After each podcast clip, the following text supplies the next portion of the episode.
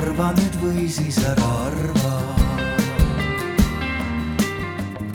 kell on kakskümmend null viis ja oleme otse-eetris Arvamusfestivalilt. minu nimi on Anvar Samost ja koos minuga siit minu vasakult käelt alustades on äh, mitmekordne endine rektor Alar Karis, äh, pikaajalise kogemusega riigiametnik Maris Jesse ning samuti mitmekordne mitme ülikooli rektor Jaak Aaviksoo. Ja kohe alguseks pean ma ütlema, et see ei ole presidendikandidaatide debatt, sellepärast et keegi meist presidendiks ei kandideeri. aga kasutame seda hetke ja seda võimalust selleks, et rääkida Eesti tulevikust. järgmise nädala jooksul, alates juba tegelikult nendest päevadest, kuuleme väga palju sündmustest kolmkümmend aastat tagasi, Eesti iseseisvuse taastamisest, inimestest, kes seal osalesid, nende tegudest ja nende mõtetest. ja üks asi, mida me kindlasti kõik sellest ajast mäletame, on see, et me väga täpselt teadsime, kus me olime ja me väga täpselt tegelikult võib-olla isegi selle peale eraldi mõtlemata teadsime, kuhu me tahame minna. me tahtsime saada vabaks, me tahtsime saada rikkaks, me tahtsime saada läänemaailma osaks. nüüd kolmkümmend aastat hiljem võime öelda, et kümme-viisteist aastat tagasi kõikidesse nendesse sihtidesse me ka jõudsime. noh, võib vaielda, kui rikkad me oleme, aga kahtlemata oleme me sada korda rikkamad, kui me olime tuhande üheksasaja üheksakümne esimesel aastal. me oleme vabad, me oleme nii vabad, et me oleme isegi osa sellest vabadusest ära andnud omaenda valiku tulemusel ja kindlasti oleme me läänemaailma väga selge osa. see on nüüd sobiv hetk, kus tegelikult küsida, et kas niimoodi jääbki, et me oleme siin, kus me oleme, meile see enam-vähem meeldib, on stabiilne, on äh, päris tore olla, aga me ei, ei tea enam instinktiivselt, kus me kolmekümne aasta pärast või ka kümne aasta pärast, äh, kuhu me jõuda tahame. kuidas teile tundub, kas me, kas me peaksime mures olema, kas me peaksime pingutama selle nimel, et äh, nüüd juba mitte kuskil seljajõu tasandil, vaid kuidagi palju selgema aruteluprotsessi tulemusel teaksime, kuhu me, kuhu me läheme? ei muidugi, eestlane ikka muretseb ma käisin ka siin täna läbi kõik äh, need telgid ja ega kostuski mure ainult, mure kliima pärast, mure hariduse pärast, mure teaduse pärast. aga ma arvan, et see tänase viimane debatt võiks olla ikkagi natukene nagu rõõmsameelsem, et see tulevik äh, nii tume ei tohiks nagu olla ja, ja sinu jutust praegu jäi ka mulje, et nagu me tiksuksime. eks me natuke tiksume küll, see on tõsi, sest meil ei ole neid eesmärke endale seatud, mis nagu varem olid, mis olid väga pragmaatilised. me tahtsime saada NATO-sse, me tahtsime saada eurot, me tahtsime Euroopa Liitu äh,, tahtsime Euroopa rahasid. et nüüd on need kõik olemas, aga jah, küsimus ongi, et mis edasi. et selles mõttes äh, võiks ju muret tunda küll ja me ei ole siin ju selles võtmes üksi, et tegelikult ega terve Euroopa näiteks ei tea, kuhu nagu võiks edasi minna. mina läksin eelmisel nädalal erru koroonarindelt ja seetõttu minu selline nagu võrdluskoht või nagu taustalt ma vaatan hästi palju veel, äh, et mis oli see kogemus viimasest pooleteist aastast. ja praegu ma ei saa teisiti, kui öelda, et jah, et äh, vaatame tulevikku, kuhu me tahame minna kahekümne, kolmekümne aasta pärast. aga tegelikult, mida need viimased poolteist aastat näitasid, on see, et äh, mida me pidasime iseenesestmõistetavaks võimalused, mis meil olid, õigused, mis meil olid ka Euroopa Liidus, vaba liikumine inimestel, kaupade vaba liikumine, et nad on haprad. et nad võivad nagu sulguda täiesti äh, nagu tundub ebaratsionaalse, mitte teaduspõhise protsessi tulemusena ja kõmdi nädalatega. ehk et seega, et mõeldes sellele, et kuhu minna, kuhu me tahame minna kahekümne aasta pärast, ärgem unustagem vaadata ka seda, et me neid tänaseid võimalusi, tänaseid väärtusi hoiame, et nad ei, nad ei ole iseenesestmõistetavad. Nende nimel tuleb tööd teha ka täna, kui väärtused on ohus. minu avasõnavõtt. no ma võib-olla alustaksin sellest mõttest, et meil on ikkagi tohutult hästi läinud. vist uskumatult hästi on läinud selle viimase kolmekümne aastaga.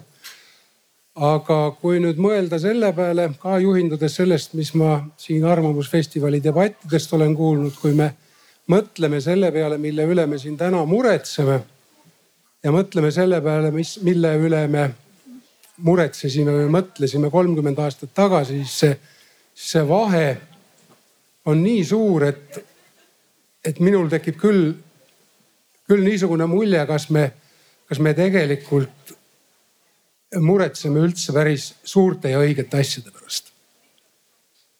ja Marise jutu jätkuks ma ütleksin, et ma arvan, viimasest paarist aastaks tuleks kõrva taha panna see, kuivõrd haprad on olnud erinevad rahvusvahelised kokkulepped.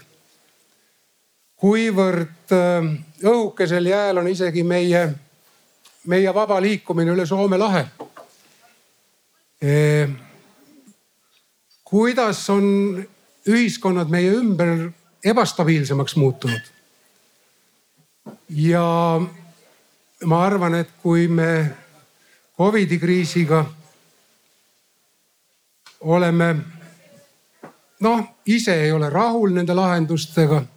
Aga kui me mõtleme nende väljakutsete peale, mida püstitavad meie ette kliima geopoliitilised arengud, Hiina ja muud, siis, siis need väljakutsed tulevikus on, on palju-palju suuremad, kui ma kardan, me täna tegelikult oma aruteludes oleme, oleme silmas pidanud. korraks veel lisada, noh kuna ma ikkagi täna töötan muuseumis, et äh, tuua ajaloo pilk, mis on küll triviaalne näide. aga me oleme jõudmas olukorda, kus äh, kus tekib selline seis nagu oli tuhat üheksasada kolmkümmend üheksa, kui äh, võõrad väed sisse tulid.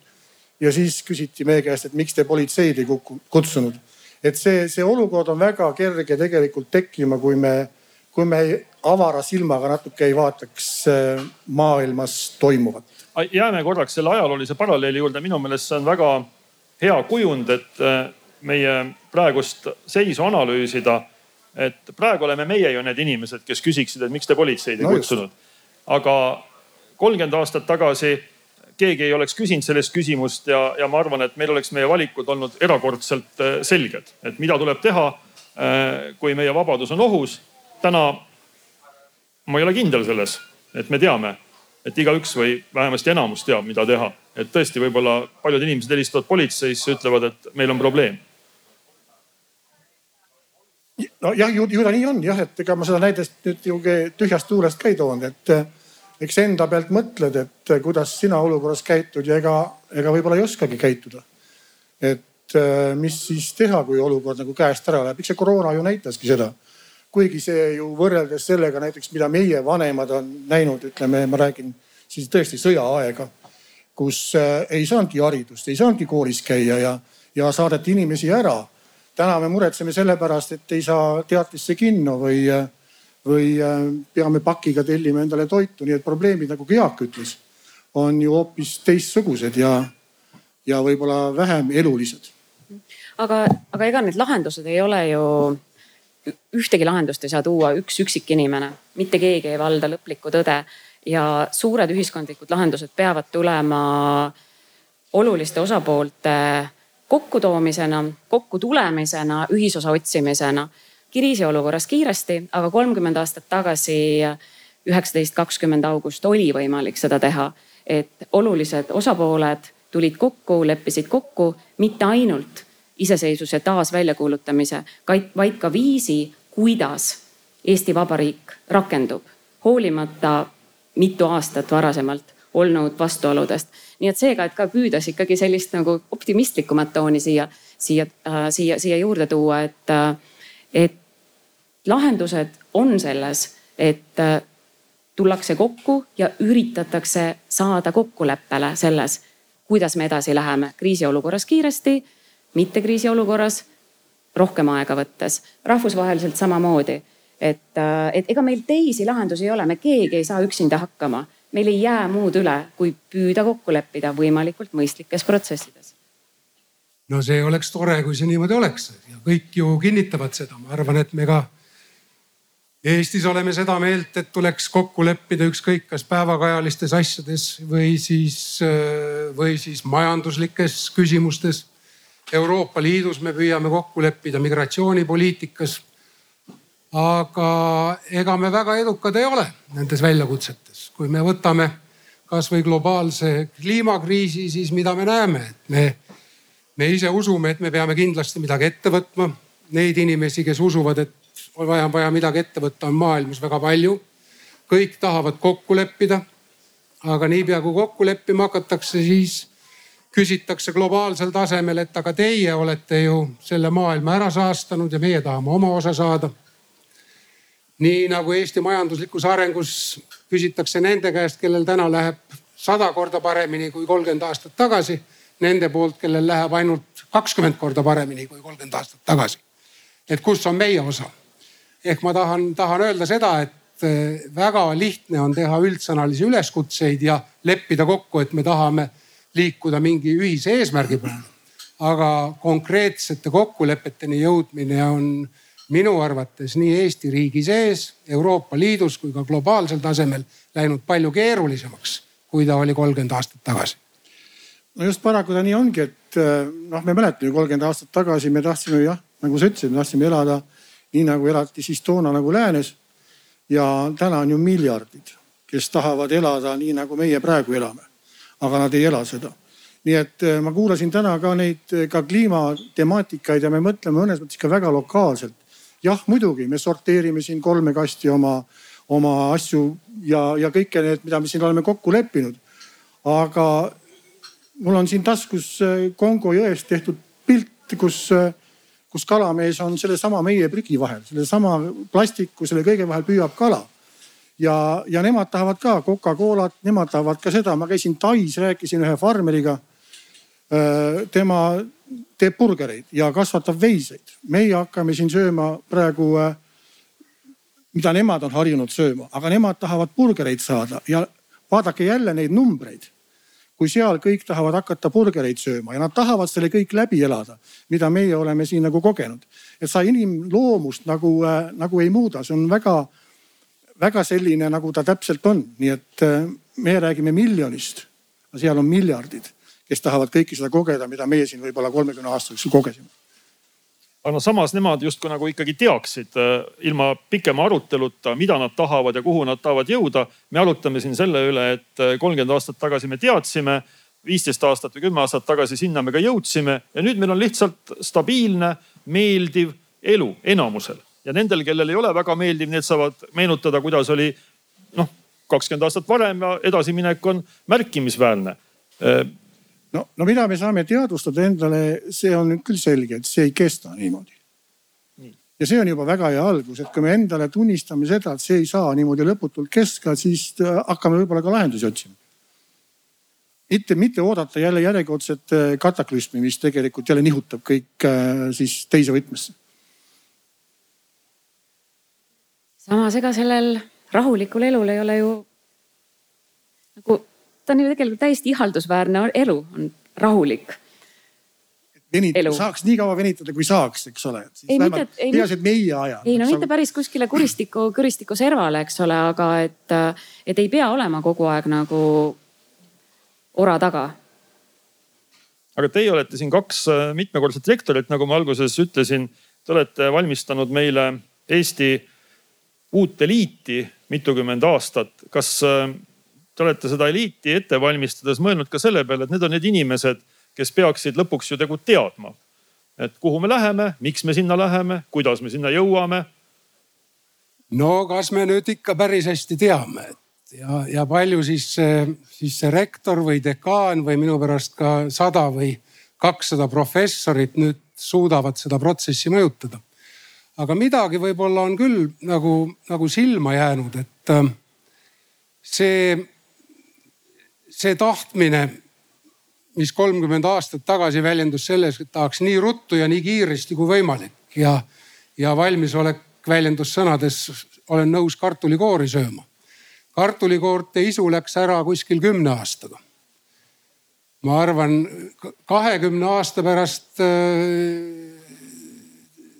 tahaks ka burgerit ja tahaks, et see oleks garanteeritult ja, ja, ja võimalikult väikese vaevaga olemas mida ma sellega öelda tahan, on, et, et meie, meie ambitsioonid ja soovid on, on suuresti sumbunud niisugusesse keskpärasuse, mugavuse, rahulikku voolu. Need, kellel on, need tahaksid natuke rohkem. ja need, kellel võib-olla ei ole. Nende mõtted ei ole ka pigem revolutsioonilised, pigem ka evolutsioonilised aga see on kõik see materiaalne külg tegelikult, see rikkus, me siin rääkisime alguses vabadus, rikkus, läänemaailm, et see on kõik see materiaalne külg. et, et kas meie soovid vabaduse suhtes on samamoodi keskpärasusse suubunud, et liiga palju vabadust äkki ei olegi vaja, et, et peaasi, et oleks rahulik, muutusi väga palju ei oleks. kaua me niimoodi siis nagu talitame? ei no eks inimeste hulgas on ju ka biodiversiteet ja eks on üksjagu inimesele, kellele see ju see ka meeldiks, see on suhteliselt mugav, sulle öeldakse, mis teha, sa teed, mis teha, natukene vingud ka. see aeg on ju meil ka olnud, et aga, ja eks me oleme ju hakanud ju ise oma vabadusi ka piirama, oleme ära andnud neid asju ja me oleme ka mentaalselt noh, meil on tekkinud teatav enesetsensuur, mida võib-olla mõned aastad tagasi veel ei olnudki, me oleme muutnud suhteliselt ettevaatlikuks oma, oma väljendites, väljaütlemistes ühelt poolt mitte tahtes kedagi solvata, aga teiselt poolt ka, ka teatav, teatav hirmutunne on tekkinud, et minu sõnad võivad võib-olla mõjuda kuidagi minule halvasti või minu perele halvasti. aga mis ütleme ülikoolidesse puutub jah, ega tõesti ka rektoriteni see asi ju väga palju ei jõua. ka mul on see kogemus olema, kunagi vaidlesin ühe ametnikuga ministeeriumis ja lõpuks mul ei jäänud muud üle, kui ma ütlesin, kes teile diplomi andis. ja siis ta vastas, et aga teie andsite ja veel kaks korda said nii bakalaureuse kui magistri. nii et eks me jah, tõesti neid koolitame ja, ja tegelikult on ju vaja ka, ka vaadata seda, et kuidas me õpetame, et see muutub võib-olla, üks asi on õppimine, aga tõesti see, kuidas me õpetame ja rääkimata sellest, mida me õpetame ülikoolides. aga tulles selle juurde, et, et küsisid, et kas me, kas me oleme, kas me peaksime teadma, kuhu me tahame kahekümne aastaga jõuda, et see on nagu selliste mingite maamärkidega, et, et, et ühtegi sellist maamärki, nii nagu selget, konkreetset NATO, Euroopa Liit, euro ei äh,, ei ole äh, ÜRO Julgeolekukomitee, eks see ole, äh, liikmelisus, noh, see ei ole see, aga see oli nüüd ka nagu maamärk, mille nimel nagu pingutati. et, äh, et, et lihtsam on mõelda niipidi, et millis, millises ühiskonnas me tahame kolme, kolmekümne aasta pärast elada või ka vähema pärast, eks ole, kümne aasta pärast. konkreetsemates kategooriates, kas me tahame, et äh, kõikidel Eesti lastel on võimalus saada haridust, sõltumata sellest ja väga head haridust, sõltumata sellest, äh, kus nad Eestis elavad ja milline on nende vanemate sissetulek. kas me tahame, et Eesti inimesel on võimalik saada arstiabi ilma selleta, et ta oleks nagu raha, et ta peaks mõtlema, kust ma selleks raha saan. et läbi nende selliste ühiskondlike dimensioonide, sektorite me saame selle paik nagu koos läbi mõelda, et millist, millist Eestit me tahame, millist elu me Eestis tahame. Äh, nii enda, teiste naabrite jaoks kümne aasta pärast, viieteist aasta pärast, mina läheksin niipidi, mitte ja siis, siis, siis me, siis me läheme neid teid pidi ja iga nelja aasta tagant saame valida ja. ei no eks see eesmärk muidugi on, et eh, noh, mis on suhteliselt üllas, on, et meil on tark ja haritud rahvas. et see võiks ju olla eesmärk, küsimus on jälle, kuidas sinna jõuda ja mis need etapid on ja, ja väikse riigina kindlasti me peamegi olema targemad kui teised. ma kunagi kolmkümmend aastat tagasi rääkisin Läti juudiga, kes ütles, et tema peab olema mitu korda parem, et olla võrdne lätlastega ja ma arvan, et äh, tegelikult ka meil, et olla võrdne suuremate riikidega, peame me olema natukene, natukene paremad ja natukene haritumad. et Anvar siin vihjas sellele, et kuidas meil selle vabadusega lood on, et seda tahtmist oli meil kolmkümmend aastat tagasi tohutus koguses. enamuse oleme sellest ka kätte saanud, nagu sa ütlesid, mõne asja ära andnud, aga see, mis me võib-olla Euroopa Liidule või NATO-le või mina ei tea, ÜRO-le oleme ära andnud see on tegelikult minu meelest pisku selle kõrval, mis me oleme andnud ära omaenda mugavuse eest. ja minu arvates me oleme, oleme nagu liiga lahke käega seda ära andnud, et, et äh, hea hariduse eest oleme, eeldame, et me ise ei peaks valikuid tegema, las teeb riik ja las teeb kool ja las vastutab. oma tervise eest tahame, et hoolitseks keegi suur ja tugev ehk siis riik ja maksumaksja.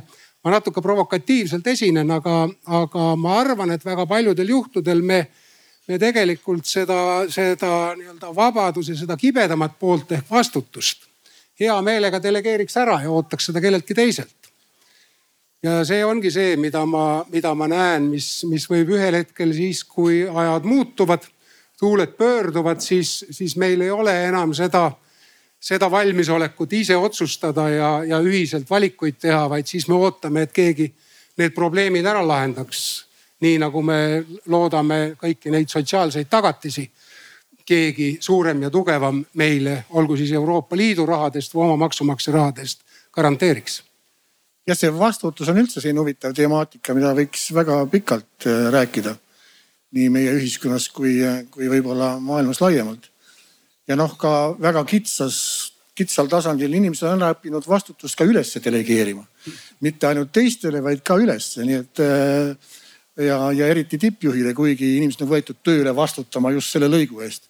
Nii et neid näiteid on elus küll, nii et see vastutuse teema, ma arvan, on oluline ka vabaduse kontekstis.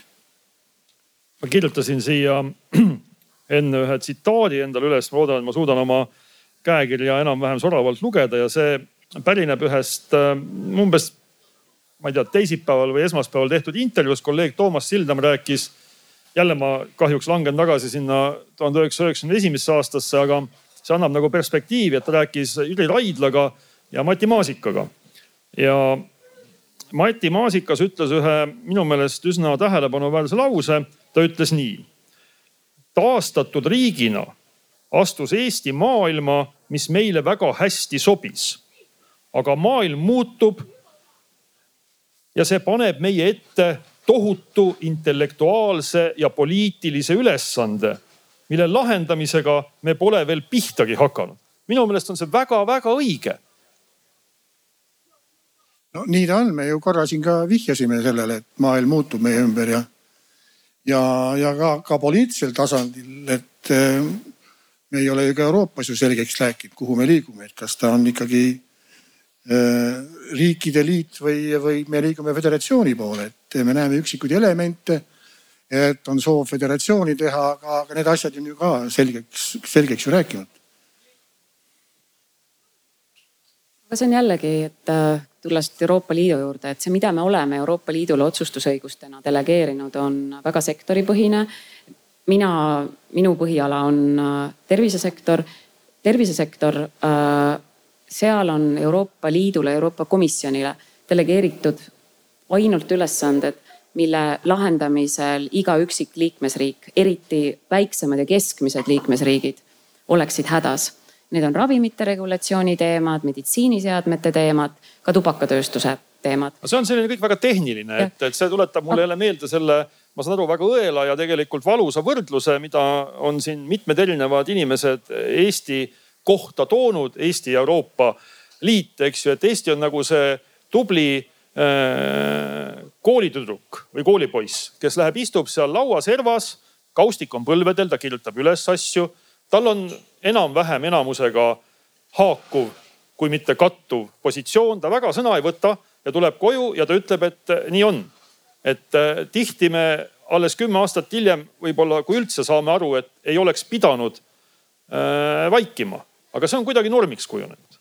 ja nagu mind tutvustades ütlesid, et äh, ma olen äh, avalikus sektoris päris pikalt töötanud, otseselt riigiametnikuna küll, küll, küll vähem aega ministeeriumis ja mina julgen küll oma kogemusest öelda, äh, et ei päris, päris niimoodi ei käi keegi eestlastest äh, komisjonis üheski töörühmas. ei olnudki isiklikult mõelnud? et ja, ja ei, aga ma lihtsalt tahtsingi niimoodi laiendada ja ma, et ma ei, et, et. aga, aga oli suur et, üllatus, vabandust. aga see nõuab, aga, aga see nõuab tööd see nõuab äh, seda, et teemadega ollakse kursis, et selleks, et kaasa rääkida äh, läbirääkimistel. sa pead olema kursis, sa pead omama positsioone, sa pead omama oskust läbi rääkida, oskust äh, luua allianse, oskust leida ühiseid äh, eesmärke, et, et leida need, kellega on ühised eesmärgid ning siis äh, neid, neid ühiseid eesmärke kajada, muidugi oskus teha kompromisse. ma tahtsin öelda, oli suur üllatus, kui mõni nädal tagasi või on see juba olnud kuu aega tagasi, Eesti peaminister Kaja Kallas hakkas Euroopa Venemaa poliitika teemal Euroopa Liidu tippkohtumisel vaidlema Angela Merkeliga ja see oli ka Angela Merkelile üllatus ja see oli veel mitmetele seal üllatus. ja ma nüüd ei tea, mis selle üllatuse tulemus on, et võimalik, et selle üllatuse üks tulemus on see, et esmaspäevaks on Angela Merkel kutsunud äh, Kaja Kallase endaga minu meelest vist õhtust sööma. et ma ei oska öelda, kas on hea tulemus, kas on halb tulemus, aga igal juhul see mõnevõrra erineb sellest, millega me harjunud oleme. et võib-olla Anvar, sa ennem osundasid sellele, sellele tähelepanekule, et et maailm on muutunud ja, ja loomulikult, kui me kolmkümmend aastat tagasi sellest Nõukogude taagast vabaks saades hakkasime tuleviku poole liikuma, siis, siis see Euroopa või eelkõige ütleme siis sotsiaalsem Põhja-Euroopa. seda Euroopat tegelikult tänaseks enam ei ole niisugusel kujul. ja ja mõnes mõttes tasuks meil silmas pidada üldse Euroopa viimase kümne-viieteist aasta arenguid globaalses, globaalses plaanis. et see, see sunnib meid mõtlema selle peale, missugune selle euro, liberaalse demokraatia Euroopa versiooni tulevik tervikuna on. aga kas me mõtleme selle peale, kas me tegeleme? me ei mõtle minu arvates, me, me isegi ei ole minu arvates väga tõsiselt otsa vaadanud sellele tõsiasjale, mida me raadios pidevalt kuuleme, kui kiiresti Taliban võtab, võtab järjest provintsi pealinnu ära ja, ja et me põhimõtteliselt, mitte meie, aga no ütleme siis laiemas mõttes meie. ehk siis, ehk siis transatlantiline allianss oma ambitsiooni ei suuda enam teostada globaalselt, nii nagu ta seda soovis teha veel kümme aastat tagasi. et see on, see on tohutu geopoliitiline nihe minu paremat arusaamist pidi. Äh, aga Jaak, sa räägid natukene selliselt distantseeritult, et nagu vaatlejana, et me vaatleme, kuhu kohta Euroopa Liit peaks nagu, et kuhu ta läheb ja siis kohandame ennast selle järgi. minu arvates meil on oluline, et, selleks, et me saaksime, et meil A, meil on võimalus mõjutada ja selleks, et me seda saaksime teha, on see, et me ise mõtleme, et mida me tahame, millist, millist maailma me tahame, kus me tahame elada, kus me tahame, et meie Eesti ühiskond elab ning me teeme midagi selle, selle nimel. Et, et, et kas me tahame, et Euroopa Liit selliseid sotsiaalseid väärtusi kandvana oleks olemas, kuhu me kuulume. ja me siis töötame selle nimel. et võib-olla ma teen endale asja liiga lihtsaks, aga, aga, aga lihtsaks tehes on, on lihtsam aru saada, kuhu me, mida me tahame. ma arvan, et kõige olulisem on tegelikult Äh, ikkagi meie põhiseaduse preambulis kirjas. Et ega väga palju sinna lisada ju ei ole, et, äh, et kunagi me laulsime, et eestlane olla on uhke ja hää. ja ma arvan, et selle, selle eestlaseks olemise sisustamine ja selle jätkusuutlikkuse tagamine ongi kõige suurem väärtus. ja ülejäänud väärtused, olgu nad siis liberaalsed või konservatiivsed olgu nad sotsiaalsed või materiaalsed, väljendugu nad viieteist miljonis tihumeetris või, või ühes miljonis tihumeetris. Need on kõik läbiräägitavad, kui me, kui me teame, kuidasmoodi see aitab kaasa meie kestmisele, et ega tegelikult tähtsamat eesmärki ei ole. me tahame, et need, need lapsed ja lapselapsed, kes tulevad, saaksid, saaksid Eestimaal elada. et nad saaksid siin eestikeelse hariduse ja tegelikult vabadus isegi on, on, on ka selle, selle eesmärgi tuletis minu jaoks. mitte eesmärk iseeneses, millele me võiksime näiteks Eesti tuleviku ohvriks tuua. oleme hästi vabad, aga kaotame Eesti. mille nimel? nõus tõmbame paneeli kokku. jah, sellega on tänane saade lõppenud. ei, ma ikkagi nagu vaidleks vastu, et, et kas see on nüüd tuletis, et et ma küsiks teistpidi siis, et kas ilma selleta, et me isiklikult vabad oleme ka nagu üksikindiviidi tasandil, et me suudame iseseisvalt, äh, ise vabalt otsuseid teha, see põhiseadusesse preambulisse kirja panna üldse võimalik on. Need asjad on ikka omavahel vist oluliselt äh, rohkem, kuidas siis öelda, kihiti asetunud ja läbi põimunud, et ei ole niimoodi lineaarset liikumist ühelt teisele no muidugi ei ole, aga, aga eks see, see minu jaoks see järgmine etapp sellest, sellest ellujäämisest või olemasolemiseks ongi see, et kas me oleme sellisel juhul, kui me oleme ka olemas, kas me oleme objekt või me oleme subjekt kas, kas, kas meid kantakse kaasas maailma ajalooga suuremate. kas me oleme punase raamatu kaitstud liik, eks ju. kaitstud liik või, või, või oleme ise tegijad, et ja sii- ja selleks on loomulikult vaja vabadust ja tahet midagi teha ja sellepärast ma arvangi, et, et loomulikult on vabadus olem-, vabadus oluline. Kui siin nii-öelda suureks ja väga targaks minna, siis, siis on vaja vaja mitte ainult millestki vabadust, vaid ka millekski vabadust, ehk siis, ehk siis seda, seda, seda positiivset vabadust, mille, kellena eneseteostuslikku vabadust. Ja aga veel kord, et, et need ülejäänud väärtused on minu arvates ikkagi läbiräägitavad, kui see põhiline eksistentsiaalne nii-öelda eestlaseks olemine või, või Eesti jaoks olemine on tagatud, siis saab neid valikuid teha ja ja meil tuleb neid lähitulevikus teha, nagu ma ütlesin, et ma arvan, et muutuv maailm sunnib meid tegema. mis me ikkagi teeme, kui üle piiri hakkavad tulema? mis me ikkagi teeme sellisel juhul, kui, kui kliima soojeneb kas...? Ma, ma küsin lihtsama asja, et mis me teeme, kui ühel hetkel selgub, et äh, me oleme tegelikult jälle sada korda vaesemad. Et see raha, mis on vahepeal maailma, maailma juurde loodud et tema väärtus on hoopis teistsugune, kui me viimased, ma ei tea, kümme aastat oleme uskunud no,. kas selle... see on ka, see on ju ka vabaduse küsimus tegelikult? no natuke on, aga ma arvan, et ikka kui hakkab jälle peale. meile meeldib kliimast rääkida, meile meeldib rändest rääkida, aga, aga, aga tegelikult võib olla siin asju oluliselt äh, lähemal jah. jah, me kohaneme, meil ei jää muud üle, me peame kohanema ja ikkagi hakkama edasi minema. valik nagu vabaduse ja, ja stabiilsuse raha vahel, et kas me nagu otsustame üht või teistpidi no kas see ei ole niimoodi, et me oleme sinna Maslowi püramiidis sinna, mina ei tea, viiendale või kuuendale astmele roninud, see eneseteostuslik ideaal. tegelikult niisuguse liberaalse ja, ja, ja valgustusaja ideaalile suhteliselt lähedale jõudnud. kui olud kehvemaks läheb, siis me hakkame sealt ülevalt riburada pidi alla tulema.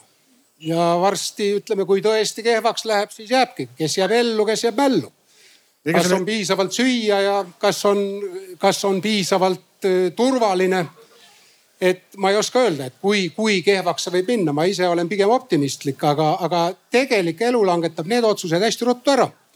ja see, ja see kohanemine tegelikult noh, sellele antakse natukene halvustav varjund juurde, nagu see oleks mugandumine. kohanemine on kohanemine, aga seesama ei ole halb varjund, on vaatlusel. vaatluse kõik algab, sa pead ju jälgima, sa, sul peab olema mingi ülevaade maailmast, et sa õigeid sammu teeksid. nii et ka teaduses on vaatlus, on üks, üks täiesti arvestatav asi mida, mida teha, et, et teaduses kuhugi üldse jõuda. nii et äh, sa peadki jälgima, sa pead jälgima, kas sa oled, et siis õiged sammud teha ja kui see plaan, et sa oled see tubli tüdruk seal, kes kõik üles kirjutab, kui tal on plaan, no siis ta ei olegi väga halb, siis on teadlik plaan, et see ongi meie strateegia, kuidas ellu jääda ja oma keelt ja, ja kultuuri säilitada. aga kui ta ei ole plaan, vot siis ta on nagu küll nadi, nadivõitu asi, et ega mina olen ka näinud ja olen ka vaadanud Euroopa protokolle kus äh, tõesti mõned poliitikud meie siin mikrofonide ees räägivad, mis nad kõik ütlesid ja tegid.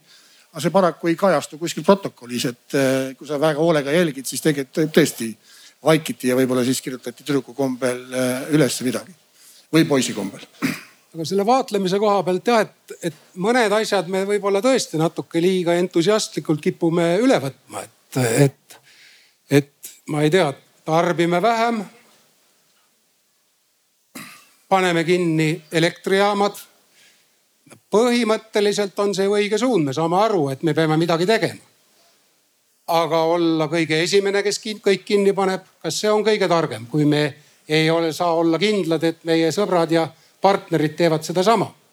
et see niisugune ühine tegemine laiema globaalse või ka, või ka lokaalse eesmärgi nimel, et see siin olla pioneer ja kõige esimene ei pruugi olla alati kõige targem strateegia.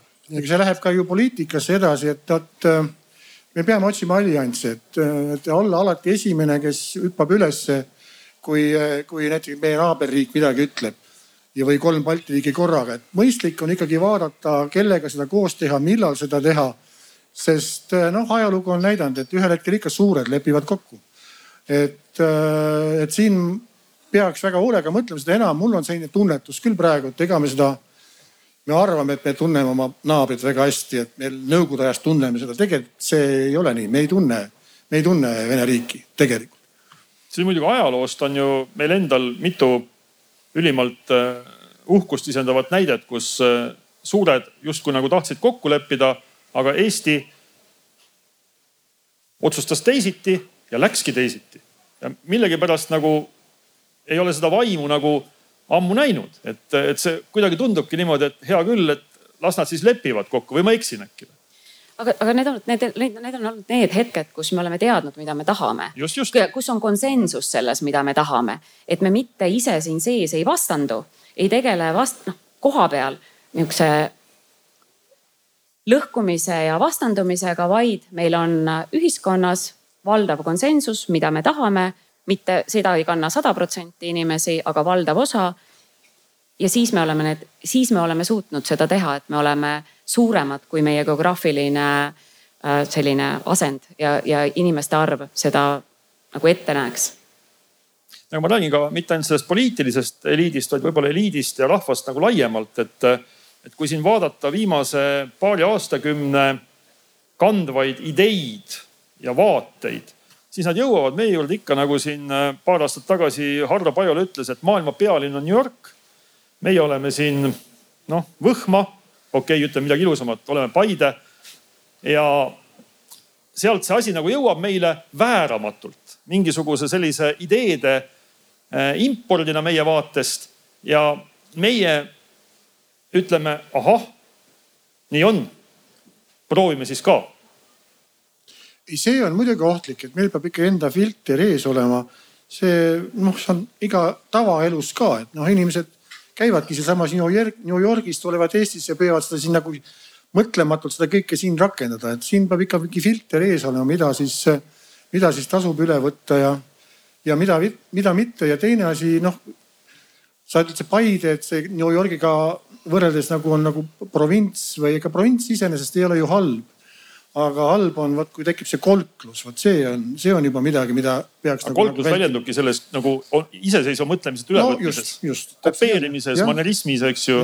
jah, ja siit aga... tuleb veel otsa mingi arhailine kadakasakslus ja, ja, ja jah mm -hmm., ongi need kõik. aga kas ei, kas ei ole ka mitte niimoodi, et, et see on üks niisugune no mõnes mõttes vabadusega kaasas käiv või liberaalse ühiskonnakäsitlusega kaasas käiv nähtus.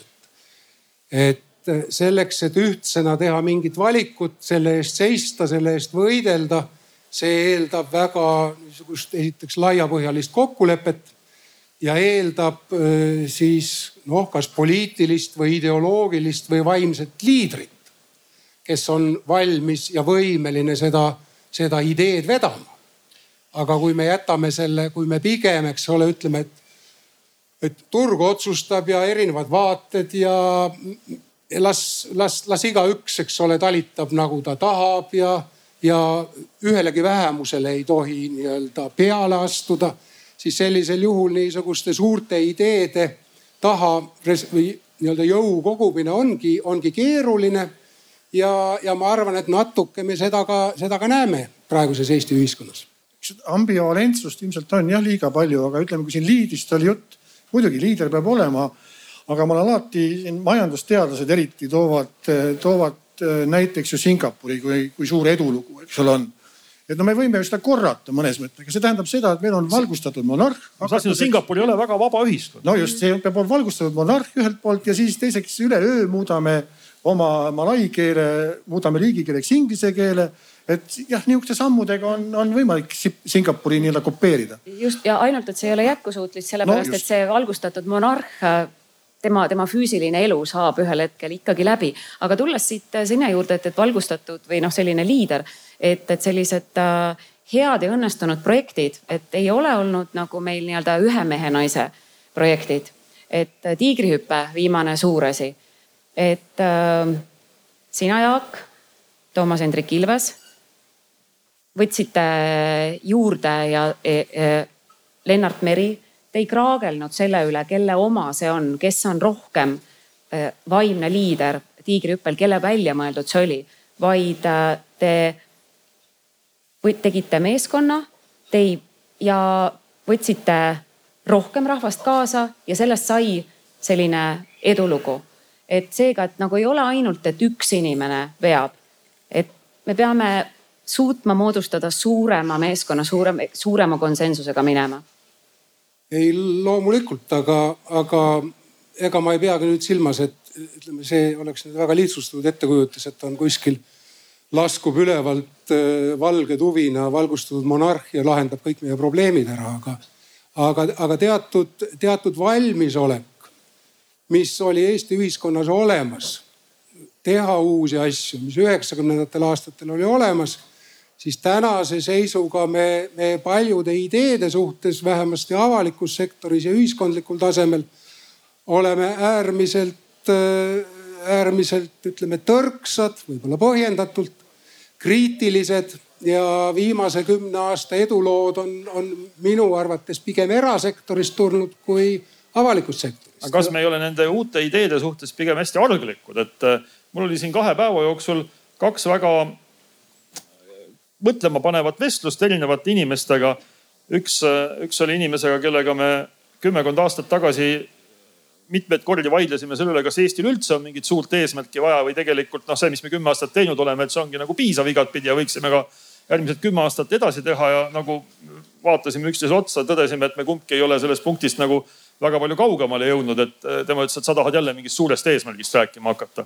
ja, ja, ja teine veel tegelikult hirmutavam vestlus oli mul täna äh, inimesega, kes väga lihtsalt ilma igasuguse sissejuhatuta ütles, et kui ta vaatab Eesti uut poliitilist ja ka intellektuaalselt ilmselt eliiti, siis see eliit on täielikult läbi kukkunud.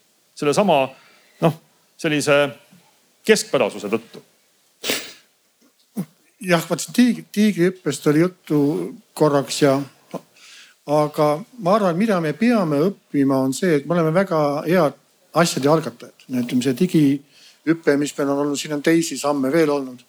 et ma alati nagu võrrelnud seda, et noh, me oleme nagu naiste kandmises tugevad ja allveujumises, siis, siis purilennus, aga siis ühel hetkel, kui teised hakkavad ka seda tegema, siis meie nagu noh, jääme nagu noh, me ei suuda nagu sealt edasi minna ja, ja noh puhtalt isiklik näide, ma elan Tartust kakskümmend kilomeetrit, mul ei ole kiiret internetti ja see on kahekümne esimene sajand, ma olen isegi kuskil kakssada raha ära andnud, et see tuleks, aga, aga ei ole. ja me räägime hoopis millestki juba veel järgmistest sammudest, kui me ei ole, me ei ole neid sammegi ära teinud. et võib-olla veel noh, tiigrihüppest võib-olla natuke isegi liiga palju räägitud, aga, aga noh, vaatame. võtame, võtame rahareformi täiesti, täiesti hullumeelne, väga paljude nõuandjate arvates ettevõtmine strateegiliselt ja jõuliselt läbi viidud, noh ajad olid täiesti teised, aga sellegipoolest seal, sellel olid omad, omad niisugused tšempionid või liidrid, ma ei taha nüüd seda ühele inimese peale panna. või, või siis ütleme erastamise korraldus ja mida seostatakse Mart Laariga, aga kindlasti ka, kindlasti ka paljude teiste poliitikutega. Või siis, või siis digitaalse isikutunnistuse tegemine, soomlased ei suutnud teha seda kohustuslikuks. Meil meil Laari teine valitsus võttis selle nii-öelda noh, keegi isegi ütles, et, et, et nii-öelda poliitilisest kogenematusest, et niisuguse, niisuguse jõulise, jõulise noh, mitte väga demokraatliku sammu, kui te mäletate seda kriitikat, mis oli selle digitaalse isikutunnistusega, olgu siis rahalistel või siis turvalisuse või, või, või muudel põhjustel. aga aga ütleme, et alates aastast, äh, aastast kaks tuhat viis, kaks tuhat kümme, ega väga palju ei, väga palju nagu ei meenu. võib-olla veel üks suur, suur, suur asi jällegi nii poliitiline kui akadeemiline initsiatiiv. Äh, Eesti geenivaramu, mis, mis, mis, mis loodi ikkagi väga selge visiooni põhjal ja mis on, mis on väga selgelt ka Eestit noh, küll veidi kitsamalt kui tiigrihüpe, aga maailma maailmakaardile viinud. jälle saab seostada konkreetsete liidrite ja inimestega nii poliitilisel tasandil kui akadeemilisel tasandil. täna seda konsensust ei või seda, seda sünergiat ei ole tekkinud. Kriini varam on selles mõttes huvitav näide, et, et see on ka näide sellest, kuidas hea asi, aga kui raskelt ta läks. kui see oleks saanud, oleksid taha tuldu kiiremini, ma arvan, meie eelis oleks olnud selles, selles võtmes hulga suurem, kui ta võib-olla täna on mm. -hmm aga raha on selles mõttes hea näide ka teisest otsast, et raha tuli ja vaata, kui kergesti me selle loobusime. et euro vastu, me ei olnud ju väga suurt sõda, see tähendab seda, me suudame olla ikkagi ikkagi väga paindlikud, et me ei ole, ei ole milleski väga-väga kinni ja saame nagu kaasa minna ka uute, uute asjadega. see just nagu ma ka enne ütlesin, et, et kuidas neid asju hoida ja sealt edasi arendada.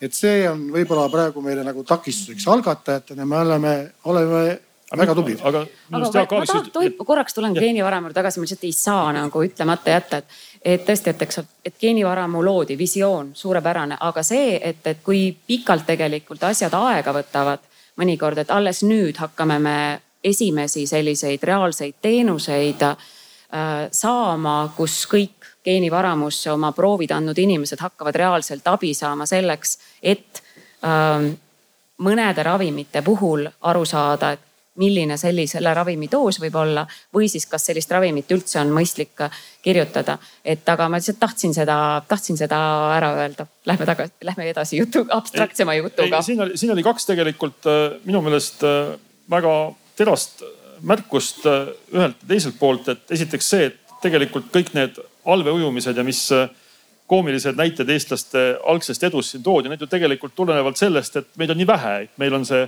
talendi baas on niivõrd kitsas, eks ju, et äh, miljon natuke peale, et, et äh, noh, see ongi nagu tegelikult kõik meie üks koma kolm miljonit inimest peavad olema piltlikult öeldes sada korda paremad kui meie naaberriigi sada viiskümmend miljonit inimest. ja, aga siin tuleb üks oluline aspekt veel juurde, mille, millega me peame ilmselt arvestama, et me peame väga hoolega mõtlema mitte seda, mida me teeme, vaid seda, mida me ei tee et see peaks olema üks noh, võtmeküsimus, et need on need asjad, millega me ei tegele. et ongi, delegeerime kuskile ära, nagu siin oli juttu või, või las tegelevad sellega teised. et see on jälle, see on see valikute küsimus, väikse riigi jaoks valikud on igas mõttes väga olulised. mul on üks hea, hea võrdlus nii-öelda ajalises perspektiivis, vahe on umbes, vahe on umbes viisteist aastat ehk siis Tiigrihüpe ja IT Akadeemia kaks niisugust initsiatiivi, nad on loogiliselt ka seotud, üks IT-akadeemia on siis teadus ja kõrgharidus ja siis Tiigrihüpe on siis koolis see IT-võimekus.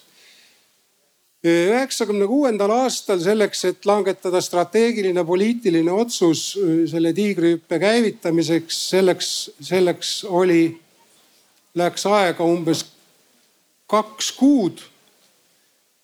ja põhimõtteliselt ilma igasuguste üleliigse bürokraatiata ühel hetkel peaministri otsus, et okei okay,, me leiame selle toona esimese hooga viiskümmend miljonit krooni.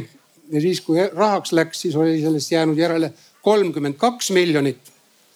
aga see kolmkümmend kaks miljonit oli kümme korda suurem raha suhteliselt kui IT Akadeemia, mis käivitus siis, mille idee sündis aastal kaks tuhat viis ja mille otsuseni jõuti aastal kaks tuhat kaksteist ja mille, mille raha eraldamiseks tuli, tuli kirjutada umbes kakssada lehekülge teksti. ja seda raha selle eest sai, nagu ma ütlesin, kümme korda suhteliselt ostujõus vähem kui tiigrihüppe jaoks. aga põhjendus, miks? aga miks ainult IT?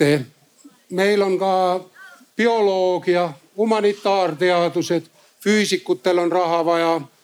miks, miks IT? tahab ka ja nii edasi ja nii edasi aga, ja nii edasi aga, ja nii edasi. nüüd me olemegi jõudnud sellisesse nagu minu meelest nagu viimastele aastakümnetele tüüpilisse sellisesse arutellu, kus kõik saavad nagu mõnuga aastaid osaleda, arutamegi seda asja, eks ju. ja siin see küsimus, et, et kuidas nagu olla valmis selleks, et see maailm on hoopis teistsugune kui see, kuhu me kolmkümmend aastat tagasi astusime, et sellele meil vastust jätkuvalt nagu ei ole, me ei tea seda ei, ei, ei teadliku äh, arutelu tulemusel ega ka mitte instinktiivselt, et, et ähm, siin enne vist Allar Karis ütles, et, et kuna, kuna me oleme nii väikesed, et siis me võiksime nagu võtta eesmärgiks vist, ma nüüd kuidagi laiendan ja sõnastan ümber, aga mõte oli see, et võiks olla nagu maailma parimad, eks et me no, oleme. millestki võiks olla jah. ei, ega tegelikult vist kõikides asjades peaks olema, et delegeeriks need asjad ära, millega me tegeleda ei suuda ja siis, ja siis kõigis ülejäänud asjades oleme maailma parimad. ei no see ongi see, kui sa hakkad millegagi tegelema, see asi on seda väärt, et sellega tegeleda, siis pea, pead sa olema parim.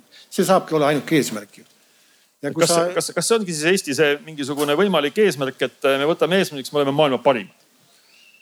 no kas neid eesmärke, no neid jah, tubli see lööb, lööb pika puuga seda viie parema hulka jõudmist, et see on selge. aga see on muidugi iseenesest nagu selles mõttes oli ka huvitav idee, et tegelikult selles idees oli seda noh, ma ei oska öelda ikkagi seda joont, mida me nägime, noh, ma ei tea, rahareformi juures ja tiigrihüppe juures ja väga lihtne oli seda naeruvääristada ja, ja paljud tegid seda ja, ja teevad siiamaani.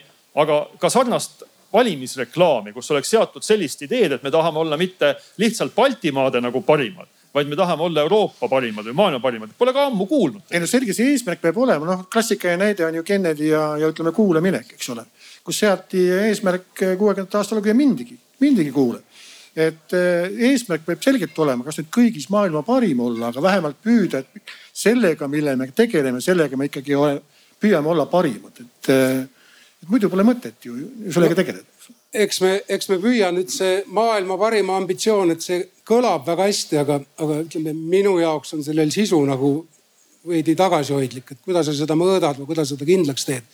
omal ajal soomlased oma, oma tööstuspoliitika kavandamisel seadsid minu arvates üheksakümnendatel väga targad strateegilised sihid kui ma nüüd väga-väga vabalt seda tõlgendan, mida ma omal ajal teadsin palju paremini, siis see kõlas umbes niimoodi, et et saavutada kümne aastaga kümnes ekspordiartikli valdkonnas maailmas turuosa kolmkümmend protsenti.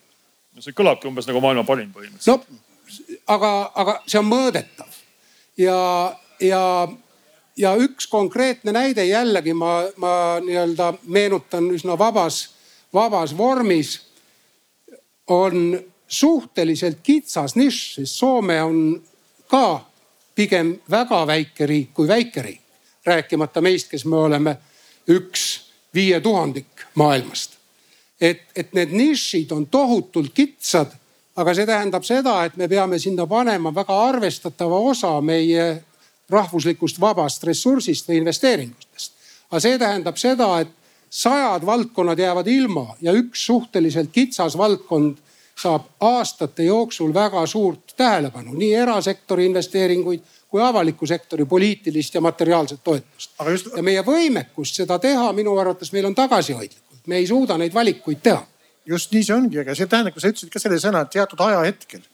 aga, ja seda, seda me peamegi pingutama teatava ajahetkel, et sinna seda ressurssi panna ega me ülikooli rektorid täpselt sama asi.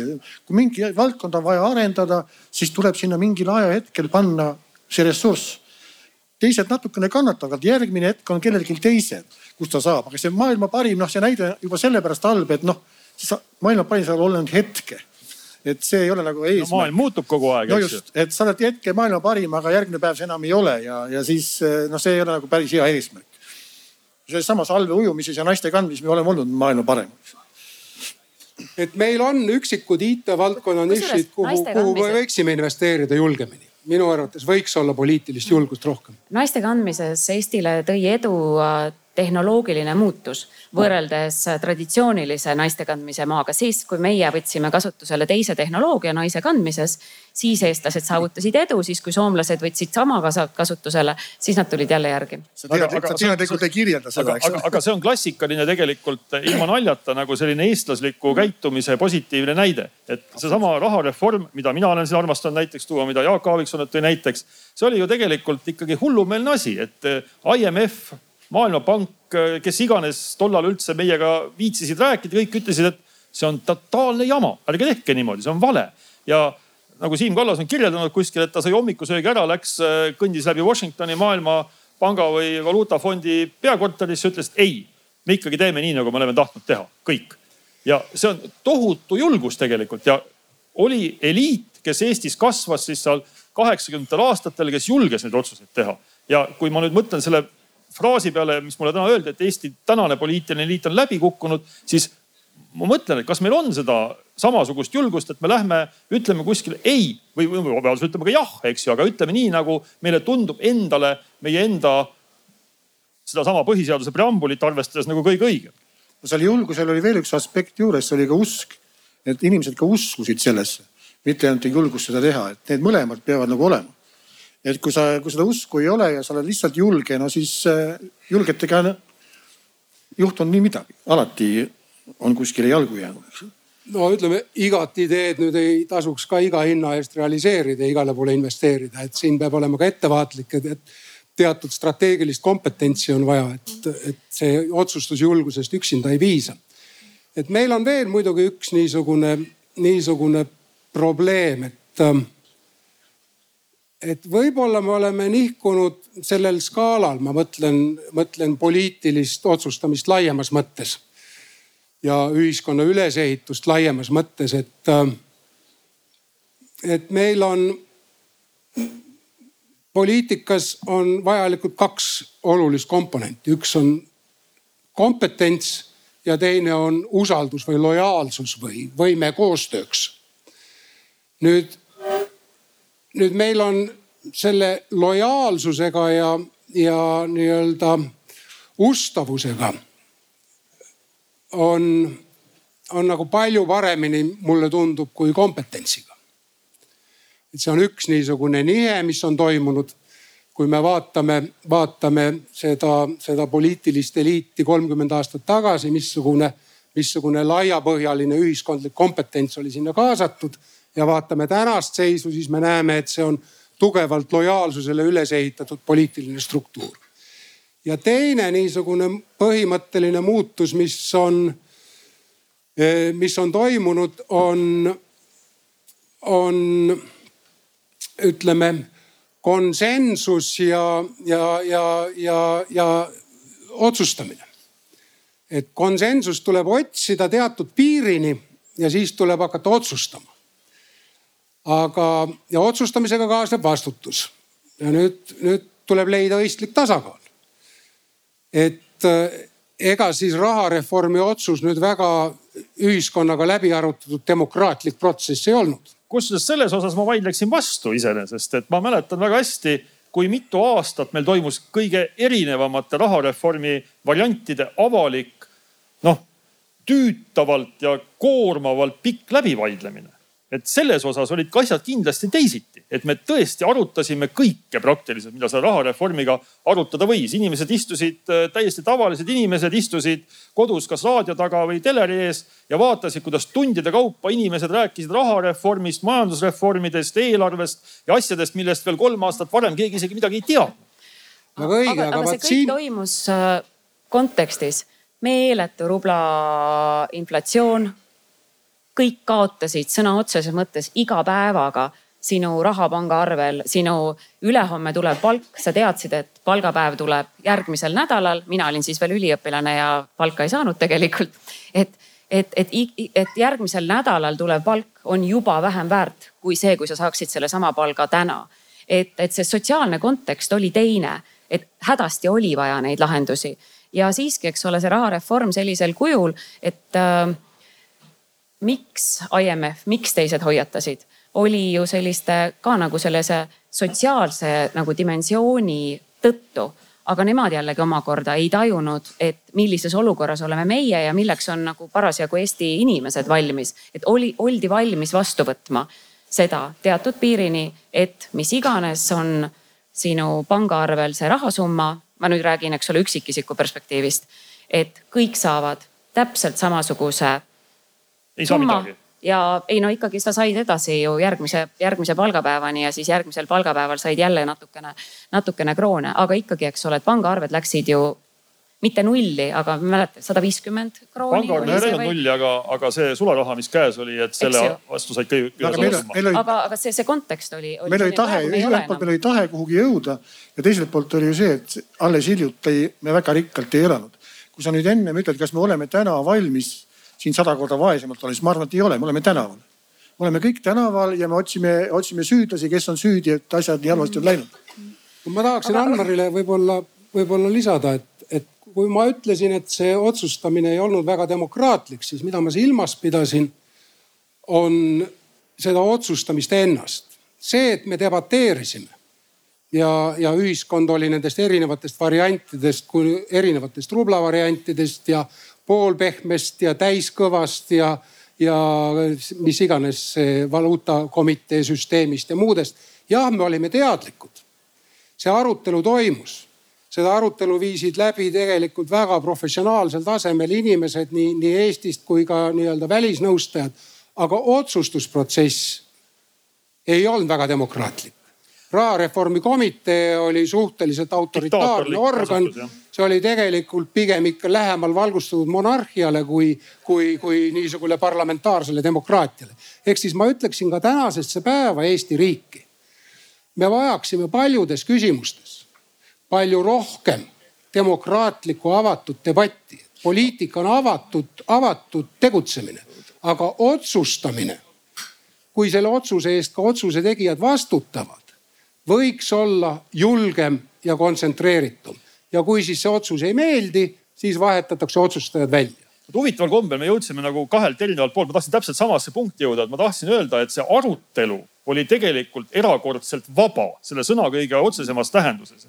ainus institutsioon või grupp ühiskonnas, kes tahtis arutelus mingeid teemasid ära keelata, neid ära killida, välja lülitada, see oli Nõukogude Liidu Kommunistlik Partei. Nemad ütlesid, et ei tohi avaldada ettepanekut isemajandavast Eestist, keelame ära nende inimeste mõtted, meile ei sobi.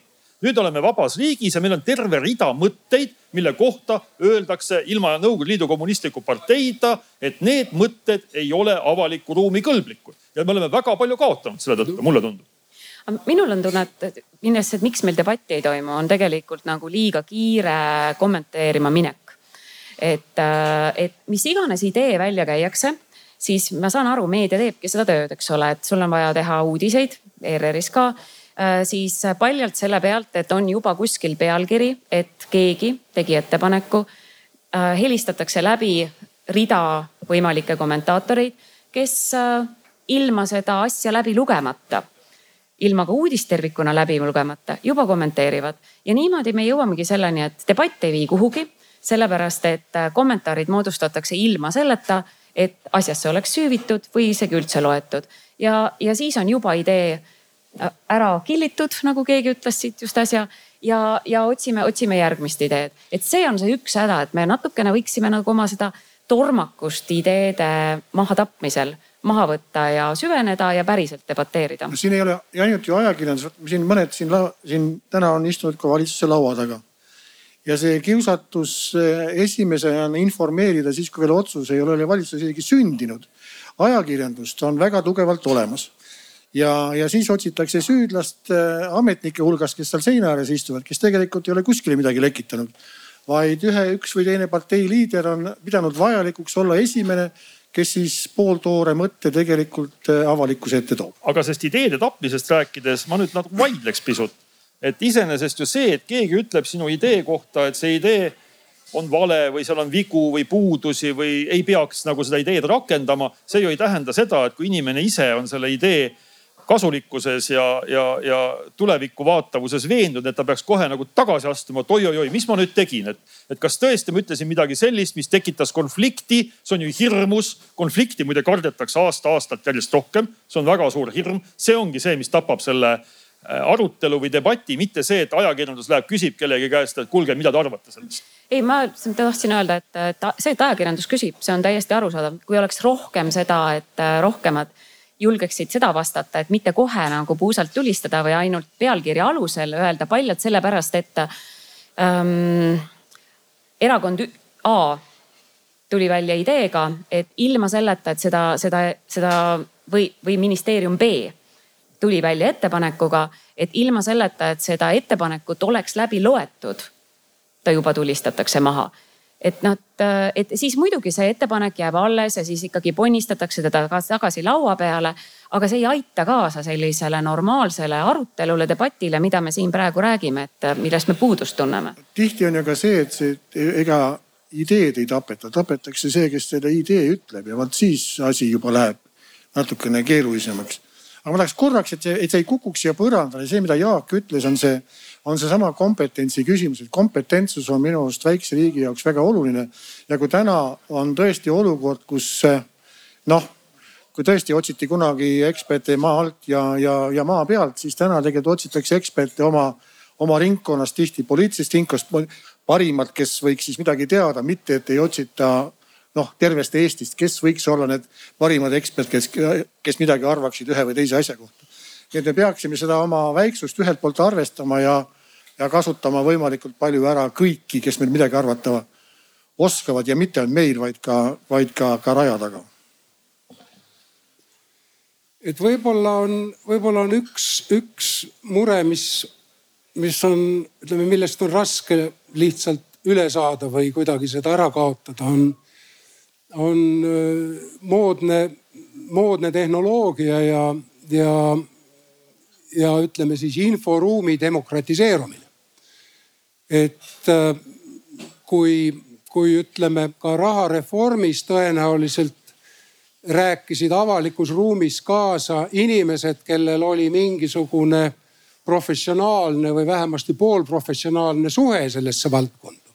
siis tänane, tänane sotsiaalmeedia ja ka, ja ka, ja ka muu meedia tegelikult kaasab sellesse debatti väga erineva kompetentsiga inimesi, kellel kõikidel on demokraatlikest printsiipidest lähtudes üks hääl. ja siis ühel hetkel see arutelu kaotab tegelikult ratsionaalse sisu ja ta muutub sügavalt emotsionaalseks ehk hoiakuliseks.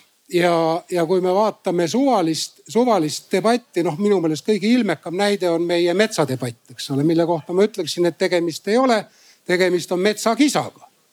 Sest ega argumendid ju on juba ammu muutunud teisejärguliseks. et ja, ja kui me ka vaatame, ütleme no need arutelud, mida siis püütakse struktureerida kuidagi keskkonnaministeeriumi poolt, siis loomulikult iga huvirühm, poliitiline huvirühm alati leiab endale ka eksperdid, kes on valmis tema seisukohti toetama, sest teadus iseenesest poliitilisi valikuid ei tee. ei asenda. ei asenda, noh tähendab tegelikult teadus ei suuda üldse midagi otsustada. teadus võib öelda, kui te teete nii, siis juhtub nii. teatud tõenäosusega. teatud tõenäosusega, et selles mõttes teadus on apoliitiline ja kõige hullem asi, mida võib ette kujutada, on see, kui arvatakse, et teadlased teevad kõige paremaid poliitilisi otsuseid. tõenäoliselt täpselt vastupidi. et, et kui tal puudub poliitiline kompetents ja vaist. ja vastutus. ja vastutus, siis ei tohi lasta teadlast otsustama teda tuleb kuulata, aga kindlasti mitte lasta otsustama ja siis öelda, et vastutab poliitik. nagu meil noh, ütleme ka päevapoliitiliselt mõnigi nõuandev organ täna on küsitav, kes siis Eesti riiki juhib vaata see, see metsa näide on, ütleme Eesti sellise kestlikkuse või, või meie tulevikku silmas pidades väga hea näide, sest äh, kuna see no, tekib negatiivne foon seoses selle metsaga, siis juba sellel aastal Maaülikooli ei taha praktiliselt keegi enam metsandust õppima tulla. samal ajal meil metsanduse spetsialisti on ka tulevikus vaja.